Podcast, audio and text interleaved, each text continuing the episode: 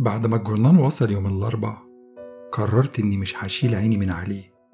لازم أراقبه عشان أعرف إيه اللي بيحصل بالظبط. بيختفي إزاي؟ في نفس الوقت حاولت أخد له صور زي الجورنان الأولاني بس للأسف شكل الصور اللي خدتها قبل كده بوظت كاميرا الموبايل. لما أفضى هشوف هصلحها إزاي. حطيت الجورنان على الترابيزة وثبت نظري عليه وأنا بحاول ألاحظ أي تغيير حتى لو كان بسيط. ساعات طويلة عدت لحد ما عينيا تقلت من التعب والإرهاق ملا كل خلية في جسمي. الساعة كانت خمسة الفجر يوم الخميس لما ابتديت ألاحظ خيوط دخان أسود بتطلع من الصفحات السوداء. غطيت مناخيري وقربت زيادة من الجورنال. زي ما يكون الورق الأسود بيتحرق بس من غير نار.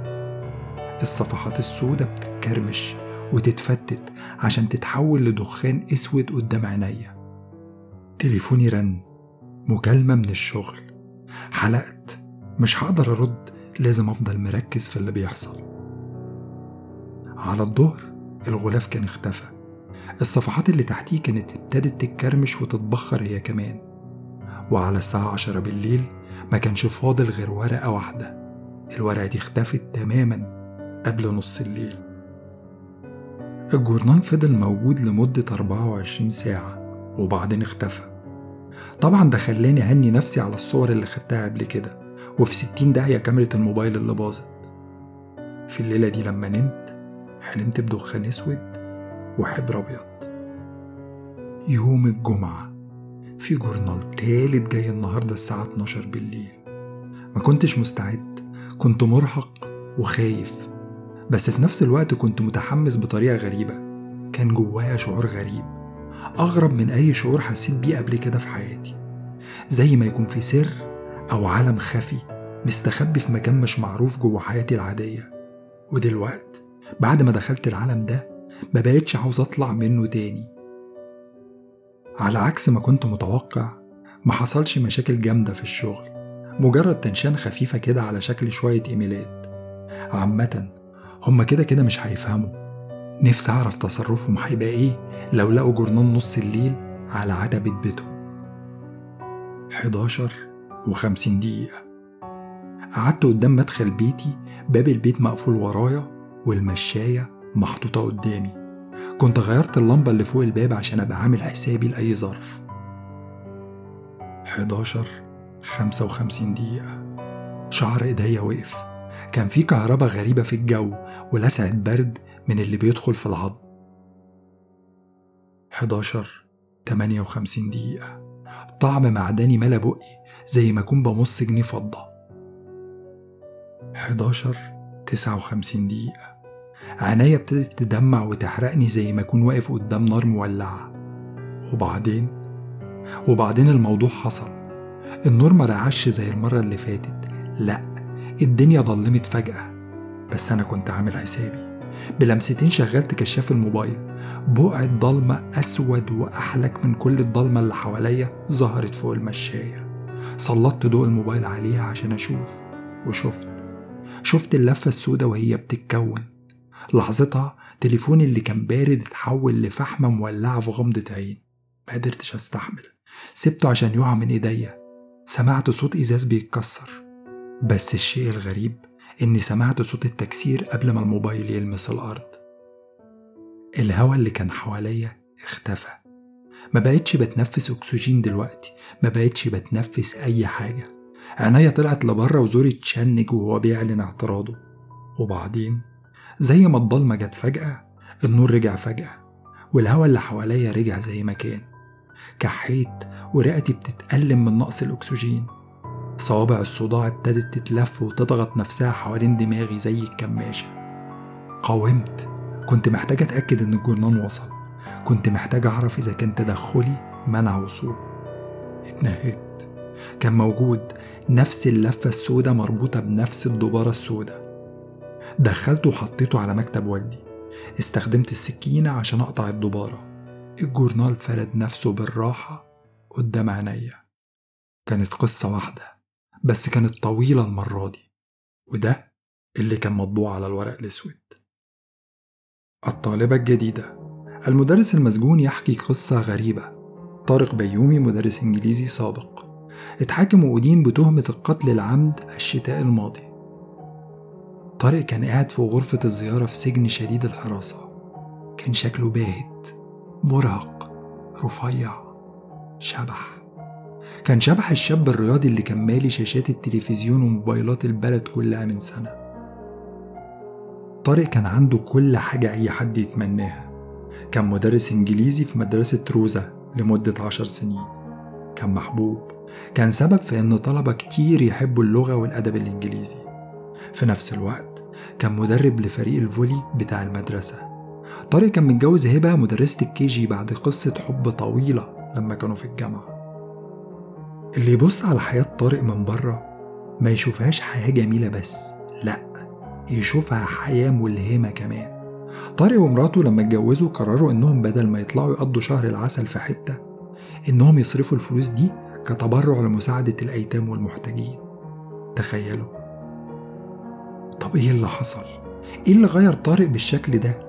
الراجل اللي كان من خمس سنين بس مدرس مثالي ومدرب ومحب لعمل الخير لمجرم دلوقت مجرم من كتر خطورته محطوط في الحبس الانفرادي. إجابة السؤال ده عبارة عن اسم أميرة سالم. أميرة كانت طالبة في آخر سنة في مدرسة VCS كانت طالبة متفوقة وذكية ومحبوبة وكانت فوق كل ده نجمة فريق ال volley في المدرسة. بس للأسف حياة أميرة الواعدة انتهت على إيد طارق بيومي بعد ما اقتحم بيتها وهاجمها بسكين. محاكمة طارق بيومي ما خدتش وقت. الأدلة كلها كانت ضده. ما كانش في أي مجال للشك. رغم كده كان في حملات على ال social media بتدافع عن طارق. الحملات دي ابتدت بعد ما أدلى بشهادته. كانت بتدافع عنه عشان الكلام اللي قاله ما يطلعش غير من شخص مجنون. شخص مش بكامل قواه العقلية. أنتوا أنتوا مش فاهمين حاجة. هي مش زي ما أنتوا فاكرين. استنوا بس الأول السنة الدراسية الجديدة وانتوا تشوفوا. أنا لو كان عندي وقت أطول كنت لقيت الموضوع ده. وبعدين طارق ابتدى يوجه اتهامات غريبة. لأهل أميرة. الدكتور النفسي اللي المحكمة كانت معيناه لتقييم حالة طارق منعنا شهور طويلة إننا نقابله. بس في الآخر مع الضغط والإلحاح المتواصل قدرنا نعمل معاه لقاء صحفي. طارق كان قاعد في غرفة الزيارة لابس بدلة زرقاء أكبر من مقاسه بنمرتين على الأقل. طارق ما ضيعش وقت ابتدى يحكي قصته على طول زي ما يكون عارف إحنا جايين ليه. اسمها كان فريدة في الأول. فريدة جمال أنا فاكرها بالاسم ده. كانت الطالبة الجديدة اللي جاية من مدينة تانية أو على الأقل ده اللي هي كانت بتقوله. فريدة اتشهرت بسرعة في المدرسة كانت جميلة. ومن عيلة غنية كانت متفوقة ودرجاتها دايما ممتازة. بعد ما حضرت أول تمرينة فولي كل اللي شافوها اتأكدوا على طول إنها هتكون أحسن لاعبة في الفريق. كانت طالبة عندي في مادة الإنجليزي. ساعات كنت بحس إن المعلومات اللي عندها عن المادة أكتر من المعلومات اللي عندي. وفوق كل ده كانت سريعة البديهة. كان ممكن تقتبس من مسرحيات شكسبير في لحظة. أوسكار وايلد كان كاتبها وشاعرها المفضل. كانت مميزة وفيها حاجة بتشد زي المغناطيس. كانت بتشع نور وذكية ذكاء غير عادي. بتتعلم بسرعة وذاكرتها حديدية. بتفتكر كل التفاصيل. مرة عربيتي عطلت في المدرسة. كان في مدرسين كتير بيحاولوا يساعدوني زي أستاذ كريم مدرس العلوم. بس لما فريدة دخلت علينا بصت بصة واحدة على الموتور وشمرت كمامها ولا أجدع ميكانيكي. وبعد عشر دقايق العربية كانت دارت على طول. فريدة كانت بتعرف تتكلم لغات كتير. ياباني ألماني فرنساوي أسباني. اللي قدرنا نتأكد منه فعلا الفرنساوي والألماني. اللغات التانية ما كانش حد فينا بيفهمها ولا يعرف يتكلمها. في آخر السنة الدراسية المدرسين كانوا متأثرين قوي عشان فريدة خلاص هتمشي. ممكن أحلف لكم إني شفت دموع في عينين شوية منهم. كانوا بيقولوا إن صوت ضحكتها في ممرات المدرسة هيوحشهم الانطباع اللي سابته كان واضح بشكل كبير. بالنسبة لأهل فريدة أنا معرفش حاجة عنهم. أعتقد إن والدتها جت المدرسة مرة أو مرتين. كانت لابسة ومتشيكة كأنها رايحة تحضر حفلة توزيع جوائز الأوسكار واختفت بعد كده. دي حتى ما حضرتش لا هي ولا والد فريدة حفلة التخرج رغم إن فريدة كانت من الطلبة المتفوقين. السنة اللي بعديها. الموضوع بقى أغرب. بعد أيام قليلة من بداية الترم الأول طالبة جديدة جت المدرسة. كان اسمها هانا جوهر. كانت منقولة من مدينة تانية. برضو هانا اتشهرت في المدرسة على طول. كانت جميلة ومن عيلة غنية. كانت متفوقة ودرجاتها ممتازة في كل المواد. بعد ما حضرت أول تمرينة فولي كل اللي شافوها اتأكدوا على طول إنها هتكون أحسن لاعبة في الفريق. كانت طالبة عندي في مادة الإنجليزي. كانت ممكن تقتبس من مسرحيات برنارد شو في اللحظة. مارك توين كان كاتبها المفضل. كانت شبه فريدة لدرجة إن كل المدرسين والطلبة بقوا يسألوها نفس السؤال. انت قريبة فريدة؟ هانا كانت بترد نفس الرد كل مرة. لا. ابتدت تطلع إشاعات في المدرسة إنهم ممكن يكونوا إخوات أو قرايب. وتاهوا من بعض وهم صغيرين. برضو أهل هانا ما كانوش بيجوا المدرسة. كل الناس كلهم قالوا إن موضوع فريدة وهنا غريب فعلا. بس زي عادة البشر الموضوع على قد ما كان غريب الناس نسيته بسرعة غريبة. أنا الوحيد اللي فضلت فاكر وفضلت أفكرهم. فضلت أكرر عليهم إن الموضوع لا يمكن يكون صدفة. لدرجة إن الناس ابتدت تبصلي على إني شخص مجنون أو مريض نفسي. وده اضطرني إني أسكت وأنسى أنا كمان. بس السنة اللي بعدها كنت مع فريق الفولي بتاع مدرستي بنلعب مدرسة تانية. كانت هناك تخيلوا كانت موجودة بس اسمها ما كانش فريدة ولا هنا كان عالية عالية جمعة. كانت أحسن لاعبة في فريق فولي المدرسة دي كانت أحسن من أي حد عندنا. أنا شاكك إن في حاجة مش مظبوطة. بمجرد ما ابتديت أسأل عنها الناس بصت لي على إني شخص مش مظبوط. وده لأن في قصص كتير معروفة عن مدرسين مهووسين بطلبة عندهم وده دايما بيكون لأغراض مش لطيفة. بس بالنسبة لي طبعا الموضوع ما كانش كده كانت شبهها. أقصد شبههم. لا لا لا شبهها. كانت بتتصرف زيها بالظبط. ما قدرتش أمنع نفسي. لقيتني ماشي ورا عالية لحد بيتها. البيت كان من أفخم البيوت في المدينة اللي أنا فيها. ما كانش هو بيت فريدة بس كان ممكن يكون. وبعدين؟ وبعدين شفت مامتها. مامة عالية كانت هي هي مامة فريدة. دلوقت أنا متأكد إن في حاجة غلط. بس لما رحت وحكيت لمراتي كان ردها. خلي بالك أنت ابتدت تروح منك. إزاي تمشي ورا بنت لغاية بيتها؟ سيب البنت في حالها من فضلك. يا أخي يا أخي ده أنت مربي أجيال. السنة الدراسية خلصت ولما السنة الجديدة ابتدت رحت أدور عليها. دورت عليها في كل المدارس اللي في المدينة لحد ما لقيتها. المرة دي المرة دي كان اسمها أميرة سالم. كانت شبه فريدة شبه هنا شبه عالية مش شبههم في الملامح بس كان نفس الصوت نفس الحركات وبرضه بتلعب في فريق فولي المدرسة. مشيت وراها تاني. كان بيت مختلف بس نفس الشريحة الغنية. استنيت لما الدنيا ضلمت وبعدين اتسحبت دخلت جوه. دخلت عن طريق شباك كان متساب مفتوح على آخره. ما كانش فيه أي صور عائلية متعلقة على الحوايط مجرد لوحات فنية. البيت كان مفروش بالكامل يعني مش بيت مزيف. واضح إنهم كانوا بيتنقلوا ما بين البيوت. بس هو ليه مفيش حد في البيت؟ قعدت أدور في كل مكان. كان لازم ألاقي تفسير للي بيحصل. الباب اللي بيودي للبدروم كان مفتوح. لما دخلت اللي شفته قدامي سمرني في الأرض. كان معمل معمل مليان معدات وأجهزة معرفش أساميها. وفريزر بطول الحيطة مليان أنابيب اختبار وأطباق بيتري. كان في مكتبة صغيرة في الركن كان محطوط فيها كتب غريبة كتب عن الفلك. والتنجيم والجن والشياطين. لما لفيت عشان أمشي اتفاجئت بيها واقفة بكل هدوء قدامي. مين؟ أميرة طبعا. أقصد فريق. ما حسيتش بالدنيا. واضح إنها ضربتني بحاجة على دماغي. لما فقت لقيت نفسي في المستشفى وإيديا متكلبشة في السرير. البوليس كان موجود بس مراتي لا. البوليس قال لي إن أميرة عملت لي محضر عدم تعرض عشان كنت براقبها وضايقها من أسابيع وحذروني إن أقرب منها تاني.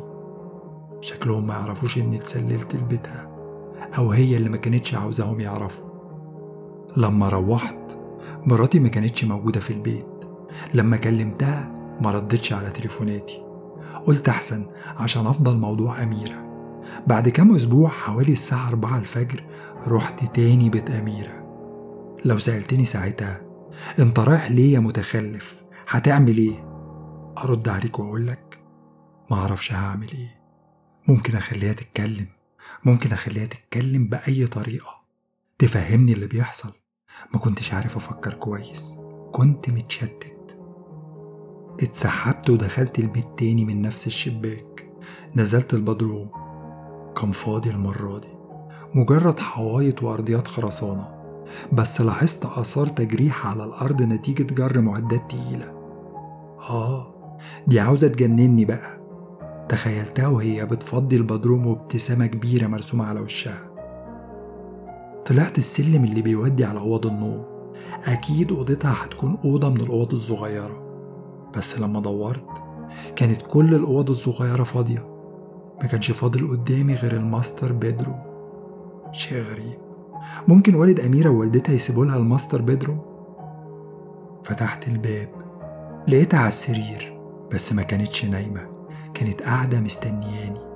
على وشها كان مرسوم ضحكة مستفزة. انت مين؟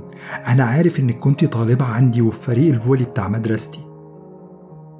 ردت عليا رد خلاني أفقد كل اللي فاضل من أعصابي. قالت لي مش أنا. شدتها من على السرير جرجرتها على السلم لتحت. كنت عاوز أوريها البدروم بس هي هي كانت أسرع وأقوى مني. شالت إيدي من عليها وطلعت تجري للمطبخ ووقفت جنب حامل السكاكين. زي ما تكون بتستدرجني عاوزاني آخد سكينة منهم. بس أنا طبعا أنا فعلا خدت سكينة وهي هي بصت لي وضحكت. غرست السكينة فيها مرة وبعدين مرة تانية. وبعدين مرة كمان وهي هي فضلت مبتسمة فضلت مبتسمة لحد البوليس ما جه وهي بتطلع أنفاسها الأخيرة قالت لهم إنها عرفت تهرب مني ثواني وتدخل الحمام وتتصل بيهم.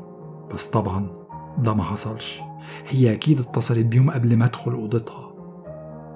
أهلها كانوا في المحكمة. ما كانوش زعلانين كانوا متضايقين متضايقين إني كسرت لعبة من لعبهم. تخيلوا. أهلها هم اللي كانوا ورا كل ده. المفروض كنت قتلتهم بدلها. لما المقابلة الصحفية قربت من نهايتها طارق ابتدى يتعصب. زي ما يكون شخص مفقود على جزيرة مهجورة وشايف سفينة بتبعد عنه لحد ما تختفي في الأفق. بصوا الموضوع بقى في إيديكوا. روحوا كل المدارس الثانوي في المدينة دوروا عليها أكيد هتلاقوها. ممكن تكون بقت شقرة أو عينيها بقت زرقاء بس أكيد هتكون في آخر سنة وفي فريق فولي المدرسة. امشوا وراها اوصلوا لأهلها خلوهم يتكلموا. لازم تعرفوا ليه. بعد ما عدت شوية أيام لقوا طارق في زنزانته مقطع شرايين إيديه بسنانه وغرقان في بركة دم. للأسف ما قدروش يلحقوه. في آخر المقال ده إحنا بنطلب من قراءنا الأعزاء إن محدش يورط نفسه في الموضوع ده. بنحذرك. أوعى دماغك توزك وتروح تدور على فريدة أو هنا أو عليا أو أميرة. بعد ما خلصت قراية الجورنال فكرت. المدينة اللي في المقال مش بعيدة عن المكان اللي أنا عايش فيه. بس أنا عمري ما سمعت عن القصة دي. ولا جريمة زي دي ولا محاكمة فيها مدرس وطالبة. أكيد لو حصلت كنت هسمع عنها. الساعة كانت تقريبا اتنين الفجر لما دخلت السرير ونمت نوم عميق. بس طبعا طبعا دماغي كانت مشغولة بالصفحات السوداء والظل الظل اللي ساب الصفحات دي على عتبة بيتي. يوم السبت قضيت وقتي كله قدام الكمبيوتر بحاول أدور. بكتب اسم طارق بيومي على كل محركات البحث. يمكن ألاقي حاجة بس مفيش. ما لقيتش غير الآلاف من حسابات الفيسبوك. بس مفيش أي مقالات ولا عناوين ولا حتى صفحات تذكارية. امبارح قررت إن أدور على أول مقالتين قريتهم في الجورنال. قلبت الإنترنت. ملقتش غير إعلانات طبية بس مفيش أي حاجة عن دكتور الاستئصال. لما زهقت ويئست قررت إن أنزل أتمشى. كان الوقت تقريبا نص الليل. مفيش أي قلق. ميعاد الجرنان اللي جاي لسه على يوم الأربعاء. اتمشيت ناحية الحي الراقي في المدينة الحي اللي دايما فيه مشاريع إنشاءات لمباني جديدة. الهوا الساقع كان شعوره جميل وهو بيخبط في وشي. خدر الصداع النصفي اللي كنت حاسس بيه جاي من بعيد. وفجأة فجأة شفت منظر صدمني لدرجة إن إحساس الصداع اختفى تماما من راسي. كنت واقف بتفرج على مبنى جديد. من المباني اللي اتبنت السنة اللي فاتت. كان في ناس كتير ساكنة في المبنى ده. كان فيه شبابيك منورة وشبابيك مضلمة كان شكل واجهته عاملة زي لوحة الشطرنج. ما كانش فيه أي حاجة غريبة لغاية ما عيني جت على السطح. كان في خيال واقف هناك على حافة سور السطح. جريت ناحية المبنى وأنا بصرخ. كنت بعيد عنه مسافة 200 متر. ما فكرتش في المسافة ولا الارتفاع ولا إن صوتي لا يمكن هيوصل للظل اللي واقف على السطح. كل اللي كنت بفكر فيه إن اللي بيحصل ده كان شبه الصورة اللي كنت متخيلها بالظبط لما كنت بقرأ العدد الأول من جورنال نص الليل. مدخل المبنى كان ضلمة مكتب الاستقبال جوه كان فاضي. الأبواب الإزاز للمدخل كانت مقفولة. كان جنب الباب في مكنة قراية الكروت الإلكترونية. يعني إيه؟ مش هقدر أدخل؟ جمعت نفسي وطلعت أجري تاني لحد ما وقفت في نص الشارع. رفعت راسي لفوق وبصيت. كان لسه موجود. الخيال. خيال على شكل بني آدم واقف على سور السطح. بيتهز من قوة الهوا. كان واقف على رجل واحدة والرجل التانية كانت متعلقة بره في الهوا. ابتديت أصرخ. بس طبعا صوتي ما كانش واصل. غمضت عيني وحسيت. حسيت أكتر ما سمعت. حسيت بالخبطة المكتومة على الأسفلت. ما كانش مجرد صوت عظم بيتكسر وجسمي بينفجر كانت طعنة. طعنة حسيت بيها في بطني. طعنة سحبت كل القوة اللي موجودة في رجليا. لما فتحت عيني ما قدرتش أبص على الجثة. كل اللي شفته دم زي النهر بيتشعب زي التعبان وهو واخد طريقه للبلاعة. لعبة الحافة طلعت حقيقية.